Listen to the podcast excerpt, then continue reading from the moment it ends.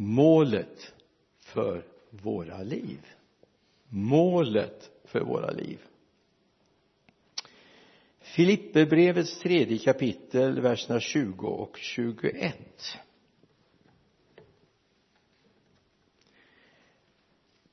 men vi har vårt medborgarskap i himlen.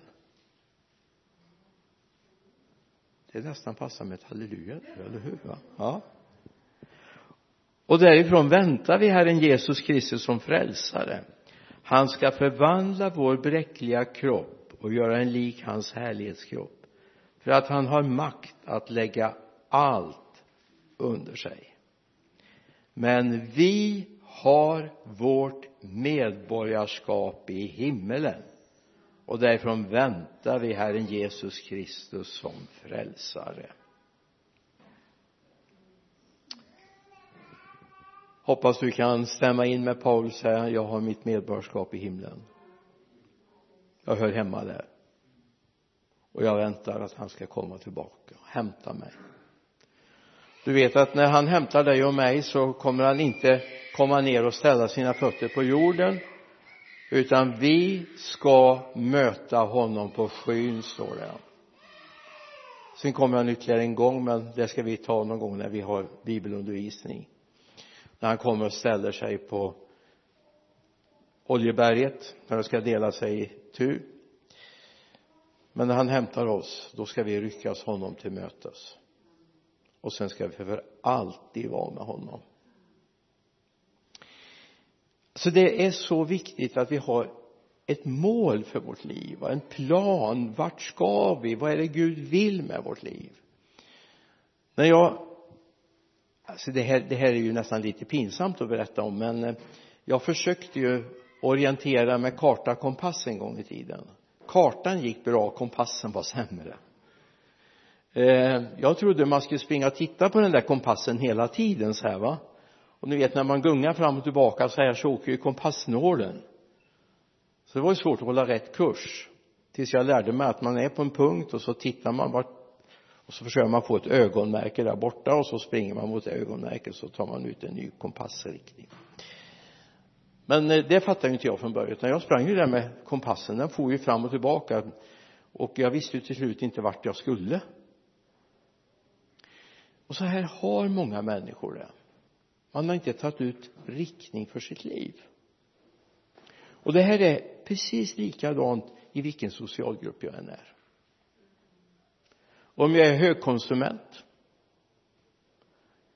alltid älskar att göra lyxsemestrar lyxresor och gå på lyxkrogar eller om jag sitter på en parkbänk med en påse. Det är samma problem. Det är ingen skillnad utan man är fortfarande utan mål och mening. Och då är det viktigt att vi vi hittar vart ska vi? Vad vill Gud med oss? Vart, vi, vart är vi på väg? Att vi lyfter upp blicken och ser dit ska jag. Okej okay, det kan vara lite bökigt på resan men dit ska jag. Det här är målet för mitt resande. När det gäller det här med människor som även om de har bra bankkonton och tjänat pengar eller vunnit dem eller lurat andra på dem eller hur de har gjort så är de lika planlösa. För det finns liksom en punkt där de inte ser bortom. När jag var i Stockholm så sa de att det, eller Göteborg då sa de att det är åka spårvagn sa de. Och sen är det hiss och sen är det svart. Men så är ju inte livet. Det är någonting som är viktigt att lyfta upp för människor. Livet tar inte slut när den här kroppen slutar att fungera vi har en odödlig del i våra mänskliga skap, vår mänskliga skapelse. Och det är viktigt att vi inser att det här och nu som jag bestämmer vart jag ska med den här när kroppen har gjort sitt. Vart är jag på väg då? När min kropp har lagts ner i grav jag jobbade några år som begravningsentreprenör. Det brukar avdankade pastorer göra ibland. Och jag kände mig som en avdankad pastor några år. Och hur många hem? Jag hade som uppgift att åka till hemmen och hämta människor som hade avlidit. Och det är klart de pratar med men tänk vad många samtal man fick vid bordet när man satt innan man hämtade när man hade en liten stund. Och jag hade ju den fördelen att jag kunde knäppa händerna och så sa att nu ber vi tillsammans. Läste något bibelord och gjorde en liksom en fin stund. Men vad många samtal. Vart tog han hon vägen? Och vart är jag på väg? Vart är jag på väg? Hur många gånger jag inte fick tala om att ja men det bestämmer vi här och nu. Du har en möjlighet att välja en ljus utgång ur det här livet. Hebreerbrevet säger någonting i det elfte kapitlet vers 6 utan tro är det omöjligt att behaga Gud. För den som kommer till Gud måste tro att han finns och att han lönar dem som söker honom. Vi måste tro att han finns och det tror vi, eller hur? Men det gör inte alla som vandrar på den här jorden. Och tittar vi bara på vad massmedia säger, vad tidningar säger, vad de sociala medierna säger så är det väldigt kortsiktigt. Och Gud give att inte vi i kyrkorna blir kortsiktiga. Livet handlar mer om här och nu. Det handlar om en evighet men vi tror att han finns och att han lönar dem som söker honom, eller hur? Och vi är övertygade om att han tar hand om våra liv. Om du bara fortsätter några verser fram eller hoppar över till tolfte kapitlet så säger Hebreerbrevets författare något oerhört viktigt. Och låt oss ha blicken fäst på Jesus trons upphovsman och fullkomnare. För att nå den glädje som låg framför honom uthärdade han korset utan att bry sig om skammen och sitter nu på höger sida om Guds tron. Alltså låt oss ha blicken fäst på Jesus. Trons upphovsman och fullkomnare. Varför då? Jo vi är på den riktningen. Vi är på väg mot honom. Och vi är till, till och med på väg tillsammans med honom så det är viktigt att vi lyfter blicken för att ser vi bara till all rapportering i massmedia om naturkatastrofer och krig och så blir ju inte många människor glada. Men jag har lärt mig att se bortom det. Det finns någonting mer. Även om mitt liv avslutas idag så vet jag att jag har någonting mer och det tror jag är någonting som behöver prägla oss i Guds församling. Du som älskar Jesus måste se att mitt liv är någonting mer än det som är nu. För vi har ett mål, vi har ett hemland. Och vem vill inte till sitt hemland? Eller hur? Eller ser du det som något tragiskt? Att det finns någonting bortom? Jag menar det enda säkra det enda vi kan vara hundra procent säkra på det är att vi allihop kommer att dö. Såvida inte Jesus kommer och hämtar hem oss direkt. Ingen kommer att leva här i miljoner år. Utan en dag tar livet slut. Nu kanske vi tänker lite mer vi som har hamnat lite grann på den där övre kanten av livet och om man börjar räkna att ja, har man 10, 15, 20 år kvar att leva? Sen ska jag hem. Eller hur? Men det är klart vi vill leva och vara till nytta. Och då är det viktigt att min gudsupplevelse min relation till Jesus inte är byggd på en fysisk plats. Jag har ju varit i kyrkor där vi har pratat om att riva kyrkor och bygga nya kyrkor och riva dopgravar och och så finns det de som säger ja men vid den bänken. Den får ni inte röra. Där blev jag frälst. Men frälsningen sitter inte i bänken. Eller hur? Alltså vore det så att det vore bundet till sådana saker då skulle inte jag ha någon frälsningsupplevelse. För huset där jag blev frälst är rivet för många år sedan. Och kyrkan där jag döptes den är riven för många år sedan det finns en ny kyrka. Det har vuxit fram någonting nytt och jag menar det fröjdar jag mig över. Och människor har kommit till tro och församlingen lever vidare och de som fortfarande är kvar i livet. Och så har det kommit till nya och så kommer man hem. Nu är det inte så ofta jag är hemma i min hemförsamling. Men det är inte många man känner igen. Och det fröjdar jag mig över. Därför det visar ju att det har gått vidare. Att det är nya alltså det är viktigt att vi inte binder fast oss här. Vårt mål är där. Jag är tacksam för frälsningen men den bär jag med mig oavsett var jag bor i landet. Tillhörigheten till honom den är likadan var jag än bor. Jag har bott uppe i norra Sverige jag har bott i här nere i södra Sverige. Jag har rest över det här landet och förkunnat. Men min frälsning sitter här. Och i förvissning om att jag hör honom till. Jag vet på vem jag tror. Och jag vet vart jag är på väg. Och jag vet var mitt hemland är. Jag förstår de här som kommer flyttande till vårt land flyktingar att det blir en speciell känsla när de möter människor ifrån sitt hemland. Hemma i gudstjänsten i Vänersborg i söndag så var det en sån här liten skara som samlades ner i, i hörnet, högra hörnet som pratade dari och persiska tillsammans. Det är klart det var, det var en speciell upplevelse för dem. Men det de hade gemensamt också det är att alla de här hade mött Jesus. De var hans barn. Jag fick en liten resumé av vad de hade pratat om. Så hade de pratat om det här tänk att vi kom till Sverige och fick lära känna Jesus vi kommer från Afghanistan eller vi kommer från Iran. Så har vi kommit till Sverige och vi har fått lära känna Jesus. Och så berättade de för varandra och fast inte jag förstod det språket hur de på olika sätt hade hittat fram till Jesus. Vi har nämligen en av männen i den här gruppen som är väldigt på verkligen på.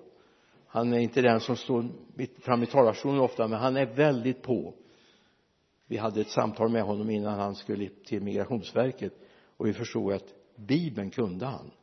Och sin tro hade han verkligen väl förankrat i honom. Det är smile jag talar om. Vårt mål är himlen. Har du funderat på hur blir det i himlen? Har du tänkt på det? En liten inblick fick vi när eh, Vickan läste här ifrån eh, 21 kapitlet i uppenbarelseboken dess inledning. Det är ett mycket spännande kapitel. Ta det gärna hem och läs det. Men det är viktigt att vi ser det finns någonting som är viktigt för oss att se. Uppenbarelseboken vi går till det 22 kapitlet istället. Vi ska läsa några verser där? Och han visade mig en flod med livets vatten klar som kristall som går ut från Guds och Lammets tron. Mitt på stadens gata på båda sidor om floden står livets träd. Det bär frukt tolv gånger. Varje månad ger det sin frukt och trädens löv ger läkedom åt folken. Och ingen förbannelse ska finnas mer. Guds och Lammets tron ska stå i staden. Och hans tjänare ska tjäna honom. De ska se hans ansikte och bära hans namn på sina pannor. Ingen natt ska finnas mer och ingen behöver och ingen och den behöver inte lampors sken eller solens ljus. För Herren Gud ska lysa över dem. Och de ska regera som kungar i evighetens evigheter. Och han sa till mig dessa ord är trovärdiga och sanna. Herrens profeters anda eh, profeternas andars Gud har sänt sin ängel för att visa sina tjänare vad som snart måste ske. Och tar vi med 21 kapitlet också får du en sån underbar beskrivning av det himmelska. Någonting som är på, vi är på väg mot som vi kan få landa i och som säger samtidigt Paulus när han uttolkar det här för oss i första Korinthierbrevets andra kapitel. Och det här kan nästan vara som man deppar ihop när man läser det va? Å ena sidan tycker vi ja men vi har lite grann fått ändå en bild av det himmelska va? Uppenbarelseboken ger oss en bild. Och så kommer Paulus och säger han i första Korinthierbrevets andra kapitel vers 9 men som skriften säger vad ögat inte ser och örat inte hör och människans hjärta inte anar det har Gud berett åt den som älskar honom. Gud har uppenbarat det för oss genom sin ande. Anden utforskar allt även djupen i Gud.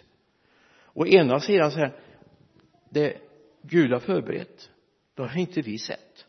Det har vi inte hört det har vi inte anat. Jaha jag tyckte ändå jag lite grann kände av lite grann och då säger han men Guds ande som du har har klargjort för dig vad som kommer att ske. Så någonstans kan vi ha en aning genom Guds ande hur himlen kommer att vara. Sen kommer vi inte kunna sätta ord på det. För det finns saker i himlen som vi inte förstår som vi inte kan ge namn och som vi inte får uttala. Det säger Paulus när han varit upplyft till himlen va? Det fanns saker som han inte kunde uttala. Alltså vår hjärna förlåt nu att jag påstår det här va? Men det lika, handlar lika mycket om min hjärna. Din och min hjärna är begränsad. Vi tycker att vi är brighta. Eller hur? Vi tycker vi kan lösa världens problem. Och det kanske vi kan. Men i förhållande till det himmelska så räcker inte vår hjärna till. Utan någonting som är långt mycket mer fantastiskt har Gud förberett för dig och mig. Målet kommer bli mer underbart än vad du har kunnat ana. Är mer av djup, av härlighet, av ljus, av glans än vad du och jag kan sätta ord på. Så det är ju så bra att vilja känna honom Jesus. För då vet vi att han är med oss. Och han kommer uppenbara det här för oss. Det finns någonting i himlen som är fantastiskt. Jag menar ja nu när det har varit sån enorm äppelskörd i år så vill vi ju inte ha tolv sådana skördar på ett år, eller hur? Däremot skulle de nog gärna ta tolv sädesomgångar i år. Och även eh, när det gäller gräset. Jag är helt övertygad om att man skulle vilja ha det. Det kommer att ske i himlen. Du kommer alltid ha färsk frukt. Alltid färskt det som växer fram. Alltid nytt. Det blir inte några lager. Du får alltid nytt. Tolv gånger om året. Ingen oro ska finnas i himlen. Ingen smärta. Visst är det fantastiskt? Ingenting jag behöver bekymra mig för. Därför att han är där. Och jag menar jag som då lider av eller haft lidit av eller jag har inte lidit men jag har haft eh, hudcancer. Och det är klart att då vill man ju inte ut och vistas i solen men jag menar i himlen finns det ju ingen sol som kommer bränna mig utan det är bara något heligt som kommer lysa där. Varken måne eller sol kommer lysa i himlen. Det hör den här världen till. Utan det kommer Gud vara sol. Och det står till och med om du läser i 21 kapitlet att portarna behöver inte stängas. Det finns inga rövar det finns inga som kommer tjuva ingen som kommer att ta någonting för dig. Du behöver inte ens låsa dörren. Det gör inte en del än nu heller så att säga men i himlen behöver vi inte göra det och det är en storstad vi ska bo i. Den är inte liten. Om du tittar på måtten så är den bra tilltagen. Sen tror jag kanske inte så mycket höghus och sånt i himlen. Men vi kommer vara många där, eller hur? Ska vara många Lidköpingsbor där. Ett kvarter med Lidköpingsbor. Nej jag är inte säker på det. Det kommer vara en hel stad full av Guds barn. Alltså det, vi har en framtid. Det här är vårt mål. Det är dit vi är på väg. Och handen på hjärtat. Är det inte dit du vill att dina vänner, bekanta, släktingar, arbetskamrater också ska komma? Visst är det det. Visst är det den längtan vi har? Alltså det är ju inte alltså vi, vi är så glada när människor blir frälsta. Eller hoppas du blir det? Jo men det blir du va? Så du inte blir avundsjuk varför får de så mycket omsorg? Jag har varit i sådana församlingar också när man tar sig an nyfrälsta. De behöver jag menar får man ett litet barn i familjen så kan ju stora syskonen bli lite avundsjuka eller hur? Men det sker ju inte i Guds församling eller, eller? nej det blir inte va men målet när vi ska vinna människor det är inte bara att de ska få en mycket drägligare tillvaro här och nu de ska få ett nytt mål för sitt liv. De ska få himlen präglad för sig. Och det är någonting vi har tappat i den kristna förkunnelsen de sista åren. Vi har inte talat så mycket om att det faktiskt finns ett mål för våra liv. Kyrkogården är inte målet. Där lägger vi ner boetten som vi har levt i, eller hur? Paketet. Det som finns här inne, det ska gå vidare. Och det vill vi också att våra vänner som vi brinner för att de ska få lära känna Jesus. Vi ska vara med dem i himlen, eller hur? Vi ska fröjdas, vi ska jubla, vi ska dansa, vi ska sjunga lovsånger de första miljonen året. Och sen när vi har sjungit en miljon år då brukar, kommer vi säga det här, nej men det här var så underbart så vi fortsätter en miljon år till. Eller hur? Ja det är bra. Var någon i alla fall som håller med. Mig i Filipperbrevets första kapitel vers 21 det säger Paulus så här. För mig är livet Kristus och döden en vinst. Men om livet här i kroppen innebär att mitt arbete bär frukt vet jag inte vad jag ska välja. Jag dras åt båda hållen. Jag har en längtan att bryta upp och vara hos Kristus. Det vore mycket bättre. Men för er skull är det mer nödvändigt att jag får leva kvar här i kroppen. Det är jag övertygad om. Och jag vet att jag ska få leva och vara kvar hos er alla och hjälpa er till framsteg och glädje i tron. Vilken sund syn. Jag vet, säger Paulus att flytta hem till Kristus det vore mycket bättre.